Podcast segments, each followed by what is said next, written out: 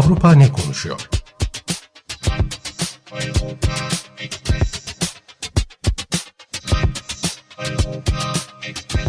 Avrupa medyasından yorumlar.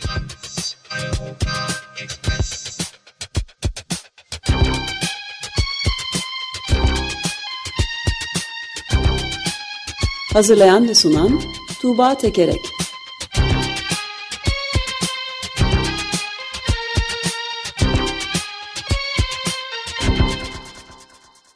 Günaydın Tuğba, merhabalar. Günaydın Ömer Bey. Günaydın. Günaydın Özdeş. Evet, bakalım ne konuşuyormuş Avrupa?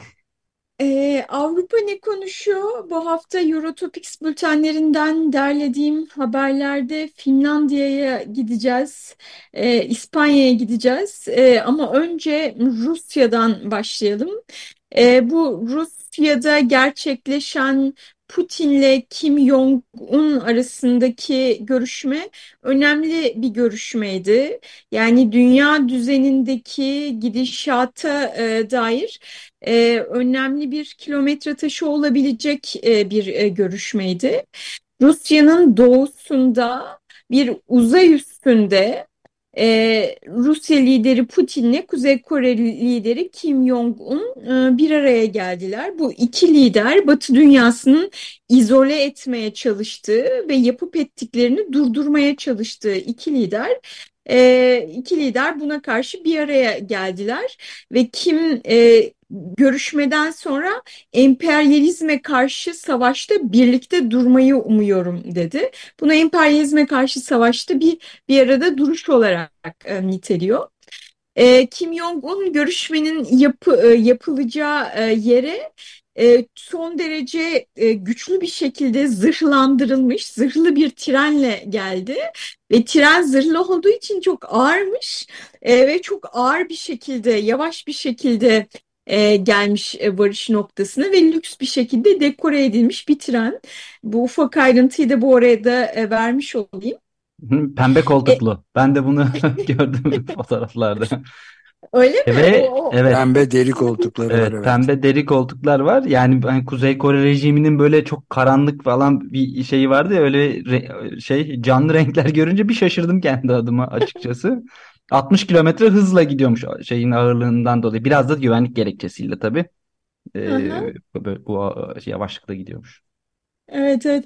E, Kim Jong-un hep siyahlar içinde görüyoruz. O Evet. yönetim kademelerini de genellikle Kuzey Korelileri de gerçekten pembe Kuzey Kore'ye e, hiç e, ben- benim de zihnimde Ve evet, bağdaşmadı yani. beklenmedik. Evet, e, bu, bu görüşmede e, asıl mesele e, Rusya'nın aslında e, mühimmata ihtiyacı olması. Ukrayna Savaşı'nda, yani yorumcuların söylediğine göre e, bu savaşta savaşın önce kısa dönemde biteceğini düşünerek e, cephanelerini ilk dönemde biraz cömertçe harcadı ve neticede 18 ayın sonunda mühimmat depoları boşaldı öte e, başka yerden bulamıyor. E, yani Çin'den de alamıyor. Diğer ülkelerde işte Batı'nın gazabına uğramak istemediği için Rusya'ya çok fazla yanaşmıyorlar. Ve Rusya'nın bunları alabileceği ülke olarak Kuzey Kore kalmış durumda. Kuzey Kore'de e, Sovyetler Birliği döneminde e, geliştirilmiş e, silahlarla uyumlu e, mühimmatlar var, depoları bunlarla dolu ve gayet verebilecek durumda. Rusya işte Kuzey Kore'den bunları almak istiyor. Öte yandan Kuzey Kore ise e, nükleer silah geliştirme programı için ve ayrıca uydu e, programı için e, Rusya'dan ileri düzeyde teknoloji talep ediyor teknoloji talep ediyor. E, ve Kuzey Kore'de kaynaklar genel olarak bu silah ve uydu gibi şeylere e, aktarıldığı için e, ciddi bir ekonomik darboğaz var, e, ekonomik kriz var, gıda sıkıntısı var. E, hani Kuzey Kore'nin gıdaya ihtiyacı var. E, Rusya'dan e, gıda alabileceği ya da karlı bir anlaşma yapması durumunda işte bir şekilde gelir temin edebileceği ve e, ülkedeki sefaletin, açlığın bir nebze giderilebileceği e, söyleniyor. İki tarafın hedefleri bu şekilde.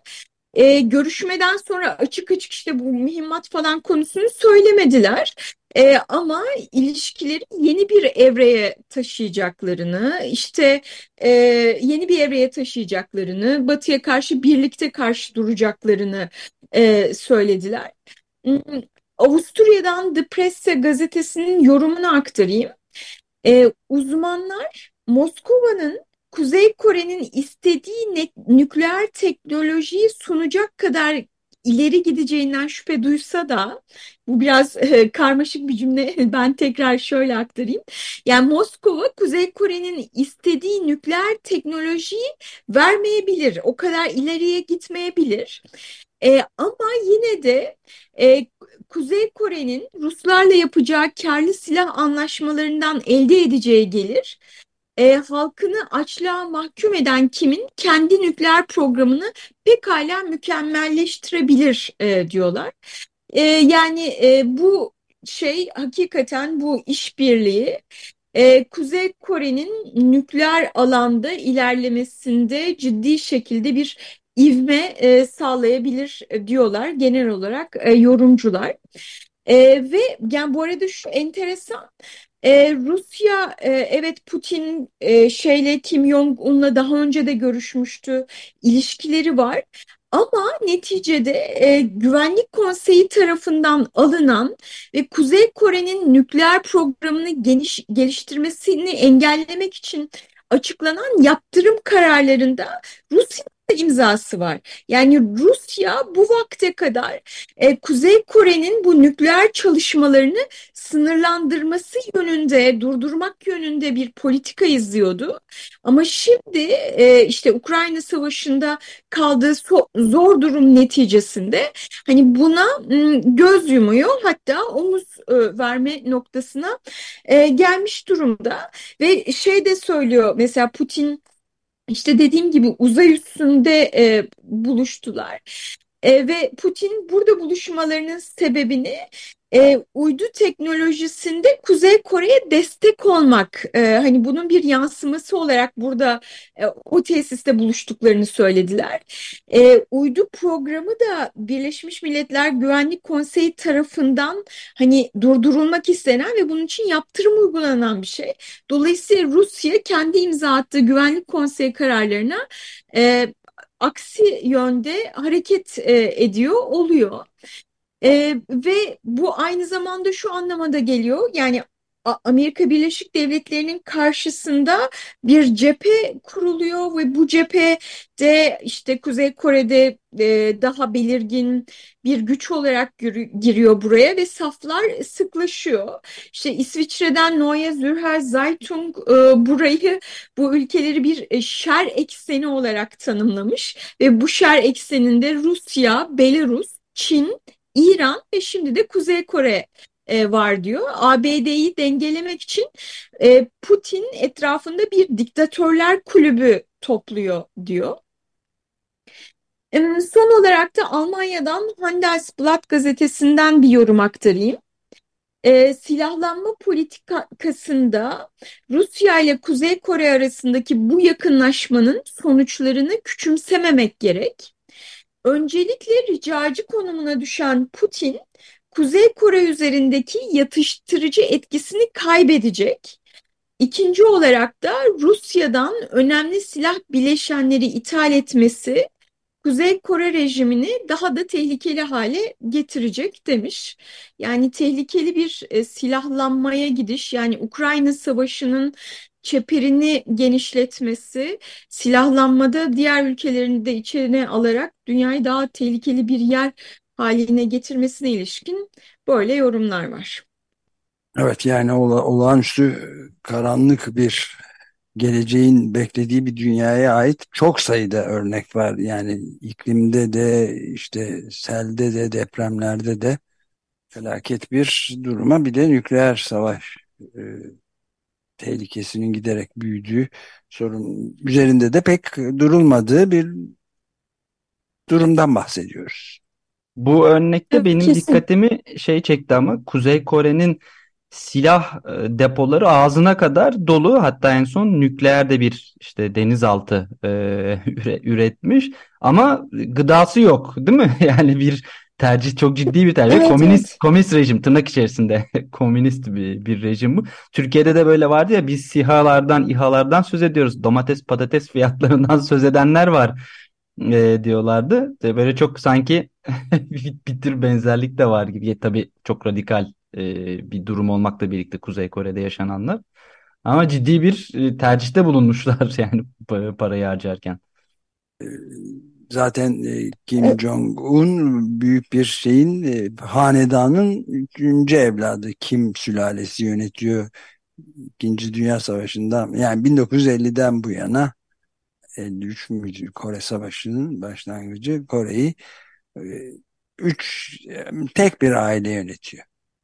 Bu aklıma şeyi getirdi. Evet. Şimdi hızlıca bir arada bir, bu arada girip böyle bir baktım da 1935 yılındaki kıtlık sırasında e, Nazilerin iktidar olduğu Alman- Almanya'da Hamburg'da bir konuşma yapıyor Hitler ve diyor ki demir ülkeyi her zaman güçlü kılar ama tereyağı ve domuz yağı insanları sadece şişmanlatmaya yarar demiş. Gıda ile silah arasındaki farkı böyle anlatmış.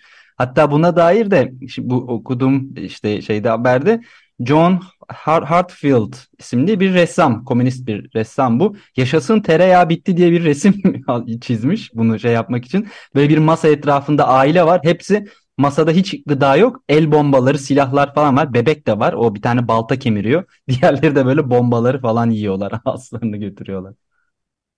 Evet, evet maalesef çok karanlık tablolar. Bu karanlık tabloya bir şey daha ekleyeyim. Yani hani hani haberi bile olmayacak bir şey e, ha- haber bile olmamasıyla artık haber. E, Rusya'da yerel seçimler yapıldı. E, bilmiyorum mesela siz bunu takip ettiniz mi, verdiniz mi? Hani Hayır adına yüzüm, denilen vurma şimdi zaaflarımızı. Haber takibinde adı, geri kaldık. Adına seçim denilen bir şey e, ama işte yani Batı medyasında e, işte tabii ki bunun seçimle bir alakası yok e, deniyor. İşte bağımsız gözlemciler e, Putin'in 24 yıl önce iktidara gelmesinden bu yana yapılan en özgür olmayan seçimler olduğunu e, söylüyorlar. E, hani e, seçim öyle bir seçim ki Almanya'dan Taz gazetesinden yorumcu şöyle tarif etmiş. Pek çok yerde bırakın oylama yapılmasını Rusların çoğu hangi adayın hangi göreve talip olduğunu dahi bilmiyordu demiş. Ve tabii ki yani tüm e, seçim bölgelerinde e, işte Putin'in partisi e, Birleşmiş Rusya de, e, şeyi alıyor, seçimleri alıyor. Ve ayrıca Ukrayna'nın işgal edilen bölgelerinde de seçim yapılıyor ve orada da yine Putin'in e, partisi kazanıyor. Hani bunu da bir ufak bir not olarak ekleyeyim dedim. Ve ben yani hani sizinle hep konuşuyoruz işte Ukrayna Savaşı'nın başından bu yana konuşuyoruz. Ben bundan 3 yıl önce e, önceki seçimleri nasıl konuştuğumuzu hatırlıyorum. Hani orada usulsüzlüklerden bahsediyoruz ama artık hani usul musul hiçbir şey yok. Hani bam bam gidiyorlar e, diyebiliriz. Ve hani o zamanlar işte Navalny'nin bir takım şey stratejileri vardı. E, işte Putin'in partisi belli bölgelerde meclis çoğunluğunu kaybediyordu. Yani Evet, bazı 3 yıl için yerelleri kaybetmişti evet. evet evet evet Az yani olsa Evet yani hani bir ülke 3 yılda nasıl demokratik e, bir takım hani kırıntıların olduğu bir yerden hani tamamen demokrasiden asla bahsedilmeyen, özgür olmayan bir yere nasıl e, gelir diye işte e, hep birlikte izliyoruz maalesef bunu. E, Evet, Rusya bu, bu Rusya böyle. Evet, buradan Finlandiya'ya e, geçeyim. E, Finlandiya'da birazcık belki hani olumlu olabilecek e, bir haber var. E, Kürt, Kür- Finlandiya e, dünyada kürk hayvanı yetiştiriciliğinde, e, kürk üretiminde çok önemli ülkelerden bir tanesi. İşte bu e, alanda en başa güreşenler Rusya, Çin, Finlandiya. E, Finlandiya'da şimdi e, bir e, şey dilekçe hazırlandı, bir imza kampanyası ve kürk, ülkede kürk hayvanı yetiştiriciliğinin tamamen bitirilmesine dair bir dilekçe bu. Ve ilk gün 50 bin kişi buna imza verdi. 50 bin kişi neden önemli? 50 bin kişi imza verdiğinde e, o dilekçe mecliste görüşülüyor. E, yani bir e, kanuna dönüşme ihtimali gayet güçlü olmuş oluyor. Ben e, dün bakmıştım hani imzalar 150 bini falan bulmuştu zaten. E, bildirinin başlığı e, bu dilekçenin başlığı kürk hayvanı yetiştiriciliğini tarihe gömelim artık tarih yapalım diyorlar. Ve bu çiftliklerin, kürk hayvanlarının olduğu çiftliklerin kademeli olarak e, üreticilere ve çalışan üreticiler ve çalışanlar açısından da adil bir şekilde hani onlara e, zarar vermeyecek bir şekilde kademeli olarak bitirilmesini istiyorlar. E, bu e, dilekçeden e, bazı notlar aktarayım. Bir takım sert şeyler söyleyeceğim şimdi. E, diyorlar ki her yıl toplam 3,5 milyon e, kürk hayvanı öldürülüyor Finlandiya'da kürkleri için. E, Finlandiya tilki kürkü üretiminde dünyada birinci Çin'le birlikte. Ayrıca bizonlar, rakunlar ve köpekler de kürkleri için yetiştiriliyor. Ee, yani bir vizondan bahsedelim. Bir vizon 25 santimetre karelik bir kafeste tutuluyor ki bu bir vahşi hayvan. Yani hareket etmesi gereken bir hayvan. O 25 santimetre karelik kafeste hareket etmesi bile mümkün değil. E, vizonlar gazla öldürüyor, öldürülüyorlar. Yani kürklerine herhangi bir zarar gelmesi için. Tilki ve rakunlarsa anal elektroşokla e, öldürülüyorlar. Yine kürklerine herhangi bir zarar gelmesin, tüm olarak çıksın ve insanlar bunu giysinler ya da işte e, mobilyalarında dekor olarak kullansınlar e, diye. E, işte kamuoyunda bu e, bunun sonlandırılması için e, gayet ciddi bir şey var bu e, dilekçeye verilen imzaların da göster gösterdiği gibi bu yönde olumlu e, bir yönelim var. Medyada da bunu görmek mümkün. E, fin Finlandiya'dan Lapin Kansa gazetesindeki yorumcu şöyle demiş. Kulağa makul gelen bu öneri ciddiye alınmalı her koşulda Kürk sektörü bugün yarın ama mümkünse bugün olsun pes etmek zorunda kalacak e, demiş. E, bu şey önemli yani kürk yetiştiriciliği ve kürk üretimi, tüketimi dünyada ciddi ölçüde azalıyor. E, 2011'de 38 milyon hayvan öldürülmüş dünyada. Bu sayı 2021'de 11 milyona düşmüş. Yani neredeyse üçte birinden bile daha e, düşük bir seviye. Ama tabii ki yine de yani hala e, bu kadar hayvan 11 milyon hayvan e, işte kürkü için öldürülüyor. Çok vahşi koşullarda yaşatılıyor ve vahşi bir şekilde e, öldürülüyor. Bir yorum daha okuyayım e, Finlandiya'dan, Kaleve gazetesinden.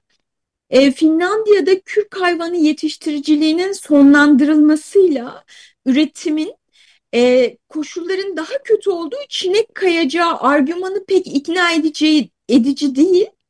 E, Finlandiya'nın da kürk hayvanı yetiştiriciliğini yasaklayan ülkeler kervanına katılması durumunda kürk hayvanı yetiştiriciliğinin dünyada toptan bitmesi daha olası e, diyorlar. E, bu ön, e, işte dediğim gibi düşüyor. Yani Danimarka'da e, kürk hayvanı yetiştiriciliğinde önde gelen ülkelerden birisiydi. Yani maalesef çok travmatik bir şekilde ama orada da e, bu artık sona gelmek üzere. Daha önce konuşmuştuk. Siz de hep evet, söylüyorsunuz Ömer Bey. Ayrıntılı olarak konuşma fırsatımız olmuştu ama ondan sonra unutuluyor gene.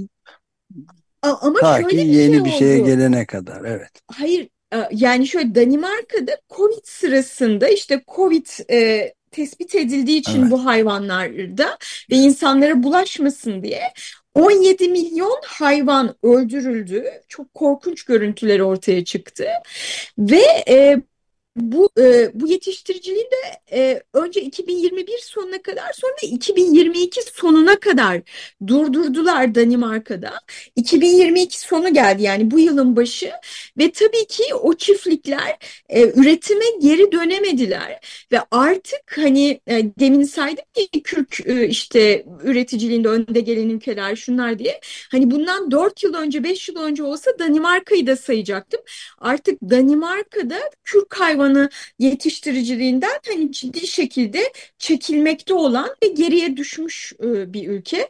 Yani bu, bu bunun e, yani 17 milyon hayvanın öldürülmesiyle bu noktaya gelindi ama sonuçta e, yani oradaki o üretim, o sektör artık bitti, bitmek üzere deniyor. E, böyle bir e, şey var, e, haber var Finlandiya'dan. Dediğim gibi mecliste de yani milletvekilleriyle konuştuklarında işte anketler yaptıklarında falan hani olayın ortada olduğu, yarı yarıya olduğu ve ciddi bir tartışma konusu olacağı söyleniyor. Hala tartışılıyor yani bunca yani en büyük pogromlarından birkaçına her sene tanık olunuyor ama bu devam ediyor. Moda daha önemli çünkü. Hala belli değil yani Finlandiya'da yasaklanıp yasaklanmayacağı bıçak sırtında deniyor. Yarı yarıya dediğine göre. E, takip edelim. evet, evet maalesef. Yani e, yani yarıya yarıya olması da e, bardağın dolu tarafını görelim. En azından buralardan kendimize azıcık umut çıkartalım diye söylüyorum. e, umarım size yakın zamanda bunun yasaklandığı haberini de veririm. e, son olarak evet. da bir son olarak da e, İspanya'dan bir takip haberi vereyim. E, İspanya Futbol Federasyonu Başkanı Rubiales nihayet istifa etti onca baskıdan e, baskının ardından. E, bundan 3 hafta önce işte bir pazar günü madalya töreni sırasında futbolcu Jenny Hermoso'yu onun rızası olmadan kafasından tutmuş kendini çekmiş ve dudaklarından öpmüştü kameralar önünde. Önce o akşam eleştirilince bu e, yaptığı eylem dolayısıyla kendisini eleştirenlere idiotlar ve aptallar e, dedi. Daha sonra çok artiz bir şekilde istifa etmeyeceğim, istifa etmeyeceğim, istifa etmeyeceğim dedi dört kez ardarda. Beş kez ben baktım kontrol ettim düzeltiyorum beş kez. Öyle mi? Tamam evet. peki. işte sahte feministlerin başlattığı cadı avının kurbanı olduğunu söyledi falan filan. Ama neticede hem e, sokak protestoları hem İspanya'daki siyasetçilerin özellikle kadın siyasetçilerin açıklamaları bunun peşine bırakmaması e, ve olayın çok uluslararası bir hal alması sonucunda e, işte Rubiales yine hata yaptığını kabul etmeden e, işte sevdiklerini ve futbola zarar vermemek için e, istifa etti. Şey konuşmuştuk e, yani siz de söylemiştiniz yani futbol e, artık sermaye ile çok iç içe e, ve hani çok büyük paraların döndüğü bir alan e, ve orada köşeleri tutmuş insanlar çok güçlü insanlar. Hani bunların o pozisyonlardan sökülmesi çok zor bir şeydi ama üç haftalık baskı e, neticede e, bunu e, bunu getirdi. E, bu başarıldı öyle söyleyeyim. Ee, Avusturya'dan Der Standard diyor ki yaşananlar şunu gösterdi. Bir kadının nahoş bir iş geldi bir kadın başına nahoş bir iş geldiğini beyan ediyorsa ondan şüphe edilir ve onun söyledikleri hafife alınır. Hakikaten yani bu Hermoso olayının bence gösterdiği en net şey oydu. Yani kameralar önünde oldu olay ve kadın diyor ki rızam yoktu diyor, hoşlanmadım diyor. Ama hem Hermoso hem de koskoca federasyon defalarca işte bu karşılıklı olarak istenilen bir şeydi e, deyip hani bunu da kanıtlamak için işte fotoğraf kareleri falan e, piyasaya sürdüler, basına verdiler. E, neticede e, İspanya'dan El Diario Es e, şey demişti bu baskılar devam ederken istifa çağrıları devam ederken şöyle bir yorum yapılmıştı o web sitesinde. Oluşturulan baskı Rubiales'in istifasına yol açarsa bu mükemmel bir gol olur. Okul bahçelerinde, futbol sahalarında onunkine benzer davranışlara katlanmak mecburiyetinde kalan pek çok genç kadın sporcu bu gelişmeyi de istifayı da en az dünya şampiyonluğu kadar sevinçle kutlayacaktır demişti ve ki oldu. E, gerçi yani bunun böyle futbolda bir Me Too e, hareketine yol açar mı? Yani futbolcular maruz kaldıkları baskıları, tacizleri e, söylerler mi, e, ifşa ederler mi diye bekleniyordu. Böyle bir şey olmadı ama yine de dediğim gibi son derece önemli. E, bu arada Rubiales'e ilişkin soruşturma süreci de devam ediyor. E, iş bu kadar ayyuka çıkınca pek çok medya hani Rubiales'in yanından çekildi. E, ama hala böyle şeylerini görüyoruz. Ona desteği görüyoruz. E, İngiltere'den Daily Telegraph bu daha muhafazakar ve sağda bir yayın organı şöyle demiş, Rubiales geç de olsa görevi bıraktı, doğruyu yaptı ama o bir suçlu değil. Bu olay yargıya taşınırsa Me Too hareketi fazla ileri gitti diyenler haklı çıkacaktır. Bundan endişe edilmeli demiş. Yargıya taşımayalım demiş. Neyse biz burada umarım hani bunun yargıya taşındığını da Rubiales'in yargıdan da e, bir mahkemeden de ceza aldığını konuşuruz önümüzdeki haftalarda. Evet yani şey bir, birkaç gün önce de birazcık sözünü etme fırsatı bulduğumuz yeni bir e, kitap yayınlandı. Jonathan Taplin'in e, The End of Reality diye yani hakikatin sonu diye ve dörtlü çete diye adlandırılan dört milyarderin dünyaya nasıl bir fantezi, hayal geleceği işte Metaverse, Mars ve kripto e, üzerinden nasıl bir gelecek sattıklarını gösteren e, ilginç bir kitap. Çok ilginç bir kitap yani. 21. yüzyılın en büyük soygun hareketlerinden biri olarak nitelendiriliyor. Onun bir parçası işte bu futbol satılması da yani şey deniyor buna da işte sports washing dedikleri hikayelerle böyle götürülüyor. Bakalım nasıl gelecek devamı. Evet. Göreceğiz. Evet. Evet, burada mikrofonlarımızın başında önümüzdeki haftalarda takip etmeye ve yorumlamaya devam edeceğiz. Çok teşekkür ederiz Tuğba. Ben teşekkür ederim. Eurotopics bültenlerinden bu haftalık bu kadar. Gelecek hafta görüşmek üzere. Görüşmek üzere. Görüşmek üzere.